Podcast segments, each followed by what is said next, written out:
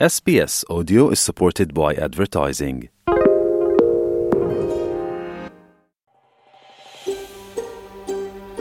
Вие сте со SPS на Македонски. Слушнете повеќе прилози на sps.com.au козацрта на Седонин. SBS. SBS SBS. SBS SBS. SBS SBS Radio Господине Коловски, омада е поднесувач на оваа иницијатива, па ќе ве молам, а кои беа мотивите за да ја поднесете оваа иницијатива? Благодарам вас, поздрав до сите слушатели во Австралија, сите македонци. Баш ми е мило што повторно сум на SPS радио на македонски јазик, што е многу битно и верувам ќе после долги години во промоција и афирмација на македонската заедница во Австралија и, и јазик, култура, историја и традиции, слично како тоа што планираме со овај месец на македонско наследство. Ова е обид на обединета македонска диаспора да се декларира септември како месец на македонско наследство во Америка и во други и во други земји како што сте запознаени, имаше декларации и прокламации од градоначалничката на Вашингтон, градоначалници на други градови, дури и гувернерката на Мишиген го прогласа септември 8 како ден на македонците во Мишиген и, и бизнес заедницата. Имавме слична резолуција која успее да биде прогласана од страна на представничкиот дом во Мишиген како држава и работиме на некои други држави исто времено тоа да се а, направи. А, во минатиот состав на Конгрес, а, кој истекува секој две години, имавме слична резолуција од страна на представничкиот дом и од Сенатот. Повторно ќе биде предложена и во представничкиот дом овај состав, но во Сенатот сенаторот Майк Браун, кој е единствениот член од Сенатот во групата за пријателство, кој броја 37 конгресмени, тоа повеќе асоциација на членови на представничкиот дом, но се обидуваме и повеќе сенатори да се приклучат на тоа за да биде во двата домови. Ова резолуција е така, почитување на македонската заедница, улогата на македонската заедница во Америка во последниве 150 години, нивната улога во бизнис, во уметност, во спорт, во храна, во медицина, во адвока, адвокатура, судство и слично. Македонците игра голема улога во, во унапредувањето на Америка историски гледано и така да сакаме тоа да биде признаено и, и почитувано и целта на ова резолуција е председателот без разлика на кој председател на САД го декларира септември како месец на македонско-американско наследство и таа резолуција токму тоа го бара. Ова резолуција не е против бугарите, не е против бугарскиот народ, не е против Грција, грчкиот народ. И секој обид да се наруши на ова резолуција или да се а, работи против тие конгресмени и сенатори кои поддржуваат македонската заедница е очигледно обид од тие служби на Бугарија и Грција кои не сакаат да видат признание на Македон на македонската заедница, македонштината, македонскиот идентитет и кауза. Председателот на Бугарија Радев, кој слично кога зборува а, за македонците, да. користи зборови и реторика дека ние сме измислен народ, дека нас Тито не создал и слично.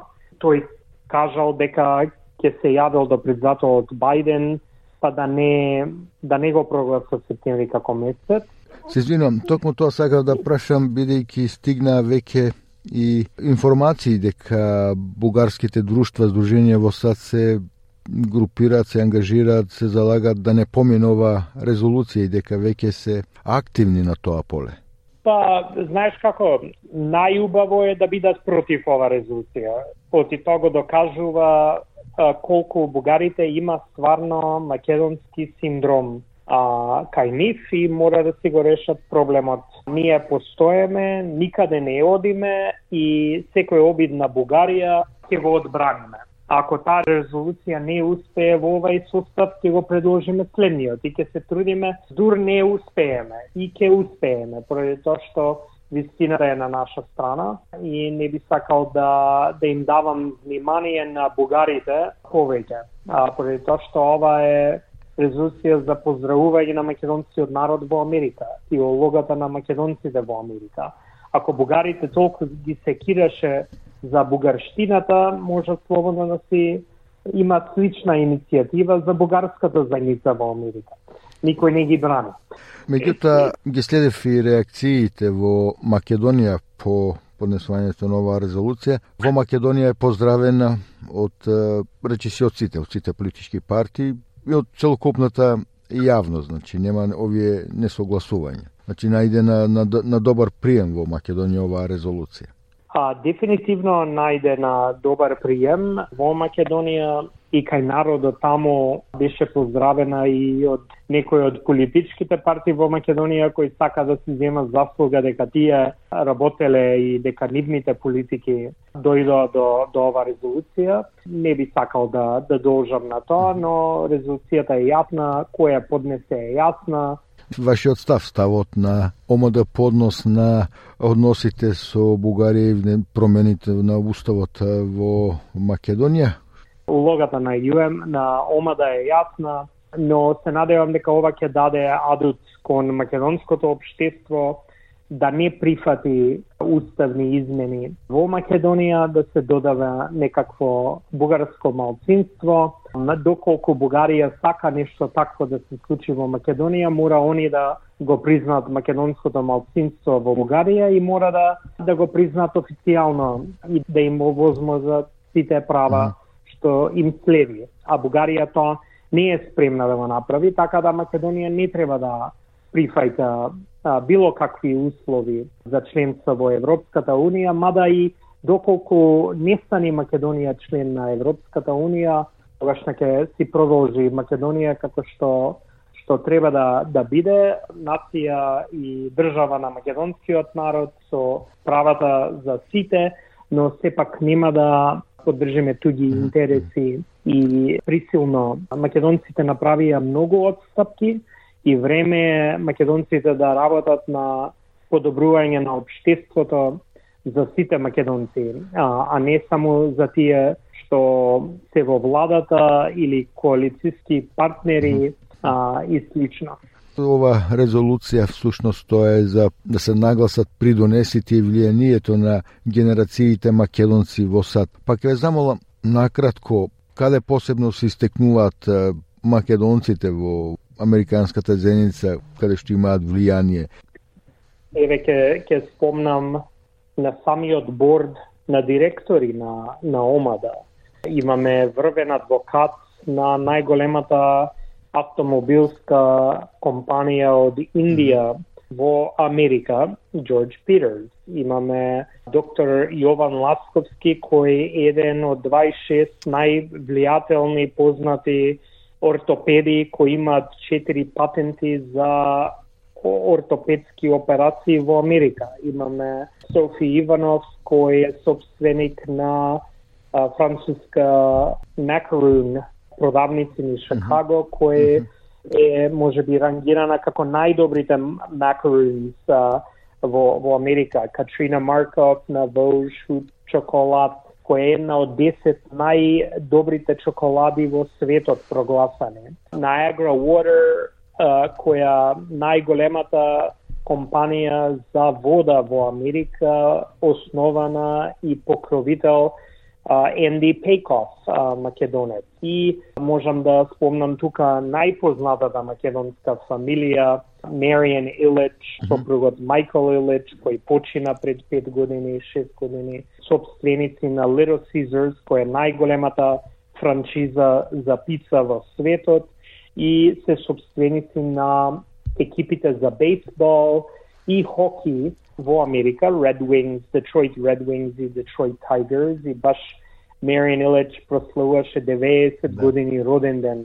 Имав прилика да отидам и да се видиме и стварно можам да кажам заплакав а, од приказната што има на видеоекранот и каква улога нејзините родители, нивните родители македонци родени во Македонија има во, во нивните деца за да можат да стигнат тоа што го имат направено сега и да бидат горди македонци. Така да, дефинитивно ќе ги експонираме повеќе овие македонци приказните преку ОМА да, да се дознае да имаме позитивни рол за македонската заедница и сегде не има вака да, и во да, има, и во има, да, има во, доста во Европа има доста успешни, Успешни при, приказни, да, успешни македонци кои секако треба да се искористат. Инаку проценките во САД велат, прочитав дека има некаде околу 500.000 со македонско потекло, веројатно меѓу нив да, има некакво да, има и голем број успешни успешни луѓе во сите полиња, во сите сфери на живење. Господин Коловски, вие бевте неодамна и во Македонија, одржавте и симпозиум, прочем го пренесувавме ние на брановите на СБС радио, беше тоа во нашиот извештај од Македонија. Меѓутоа, сега да искористам оваа прилика, која беше идејата да го организират овој симпозиум и то всушност се расправаше на него. Впрочем, таму гости ви беа и актуелниот председател и пронешниот македонски председател Георгије Иванов. Да, убаво е, убаво е што омада ги седна сегашниот и, и поранешниот председател кој мислам дека може би и прв пат има официјална средба од како Иванов застана да биде председател и Пендарски стана председател, така да улогата на омада тука е, е многу а, многу битна и сакам тука да кажам дека омада како организација дефинитивно има несогласување со многу а, аспекти и, и ставови на, на многу а, од а, политичките фактори во, во Македонија. Си имаме спротивставено на промената на името, законот за а, јазици и договорот со Бугарија бесме против и така да омада ќе продолжи да да застане цврсто позади е, тоа што не прави македонци, македонскиот идентитет и слично. Но ома да сваќа мораме да имаме отворени врати кон сите институции во Македонија за да се искажи ставот на на диаспората, едно како организација, второ како народ надвор од Македонија, загриженоста и, и дека мора да се потенцира улогата на диаспората во градење на иднината на Македонија. А диаспората е најголемиот инвеститор во, во Македонија. Ова, ова лето баш бев пријатно не изненаден од и, од и дефинитивно тоа се случува, но имаше голем број австралијани, американци, канаджани, македонско потекло, што беа во Македонија. Имавме и ние гости од Австралија и другите земји на симпозиумот. Целта на овај симпозиум уствари омада по 7 години поред прави програма Родум од Македонија кој носи студенти а од диаспората некои се прва, втора, трета, четврта, некои што биле, немале искуство со Македонија доволно или не знаеле како, знаеш, ќе отидеш кај роднини, ќе се видиш со роднините, ќе посетиш Охрид и толку и некои што не биле воопшто во, во Македонија и прв пат доаѓаат и прв пат во нивната фамилија откако дедото и прадедото се преселиле во, во Америка или во Австралија или Канада. И Да. таа програма а, до сега има дефинитивно колку прилика 50 50 на студенти однесено во, во Македонија да стажираат во различни институции, да придонесуваат кон македонското општество, да ги зајакнуваат врските, културните и да го вежбат македонскиот јазик, некои да го научат македонскиот јазик со со присуство на Македонија. И секој пат правиме церемонија за завршеток на програмата. И ова година одлучивме да малку поинтересно го направиме со целонебна симпозиум кај што зборувавме на проблематиките на младите, жените, руралните заедници, стартап индустрија, економската, историската, јазичната фела. Имавме доктор Бранислав Сетозаровиќ кој ја напиша книгата Македонци, кој омада ја преведи на англиски јазик, така да сега ќе може да се а, прошири низ диаспората и во различни библиотеки и универзитети на англиски јазик. И така да Омада тука покушуваше да да дебатира и да да искажи или да да можеме да кажеме дека едно еве се можностите за диаспората и каде може диаспората да игра клучна улога повеќе во во Македонија и така да сите говорници а, беа кон тоа, вклучувајќи и председател Пендаровски, председател Иванов, и другите личности на панелите. И горд со тоа што искрен да бидам целодневната конференција ни даде повеќе мотивација за на сите и така убаво а, испадна и дадовме награда за животно дело на Славе Николовски Катин, кој е еден од најпознатите академци и писатели за а, познавачката диаспора, по, добар познавач на историјата и македонската диаспора. Славе Николовски точно, Катин. Точно, да. и за жал, да, и за жал Славе не можеше да биде поради се правеше операција. Да во Канада, но керката Дафинка од Рим дојде и ја прими наградата. Исто така а, имавме и презентација на книга Амерички син на Македонија, Сари Лу Влашо, кој е македонец по потекло, роден во Америка и он дојде и тој е доста, мислам, 85 години возрастен човек, но има многу направено за Македонија, вклучувајќи и изучување на македонските студенти надвор од, од Македонија Македонија. на видни универзитети кои денеска работат во компании како Apple и Google и Facebook и Microsoft и Amazon и слично, uh, Deloitte и така да он дојде, uh, имавме прилика да ја промовираме неговата книга. Така да убав, убав настан. Господин Коловски, како беше одзивот на студентите од диаспората? Имаше поголем број доста студенти во на акција што ја спроведувате присутни во Скопје?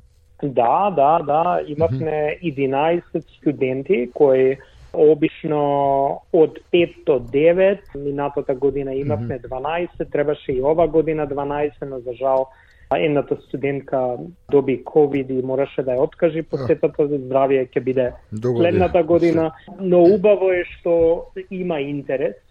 Имавме луѓе што присуствува и од Шведска и од други места а, на настаните на симпозиумот кои изразија дека следната година би сакале да присуствуваат на ова родом од Македонија програма. Имавме студентка од Босна, имавме студент од Австралија, мнозинството доаѓа од Америка и Канада, но се надевам дека бројката ќе се зголемува од другите земји Првиот викенд е во посета на Скопје и историските локалитети околу Скопје и Матка. Вториот викенд е посета на историските локалитети на Охрид и Бизола, а третиот финалниот викенд е обично на Галичник за галичката свадба, кај што децава студентиве, младите професионалци дефинитивно имат прилика да го искусат како е традиционална македонска свадба и храна и ора и песми и музика. И така да тоа е можеби капата на, на најубавиот мислам програм за, за млади македонци. И стварно си поминуваат убаво и луѓето се водушевени и дури некои студенти останаа повеќе, ја продолжија посетата и некои студенти барат да се вратат во есента има Иванов Скул млади лидери.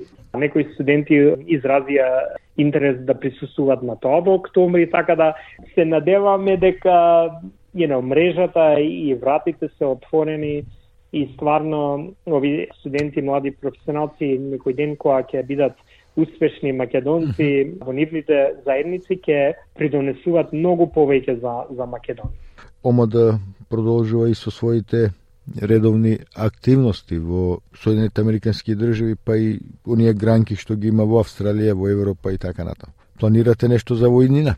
Дефинитивно. Сега сме во една фаза кај што дефинитивно сакаме да се фокусираме на некои клучни проекти, кај што стварно можеме да имаме поголем импакт за, за Македонија моментално сме во фаза на испраќање на пола милион а, долари вредност медицинска опрема во Битолската болница. Слична пратка имавме на кардиологија минатата година во Скопје. 562.000 долари вредност медицинска опрема кој помага на тие болници. И така да моментално сме во завршната фаза за да се испрати контейнерот, што се надевам дека до септември и октомври ќе биде предадена на Бизолската болница и се надеваме дека слично ќе правиме во други краеви на, на Македонија. Исто така имаме програма за македонскиот јазик за деца и студенти и возрастни доколку сакат.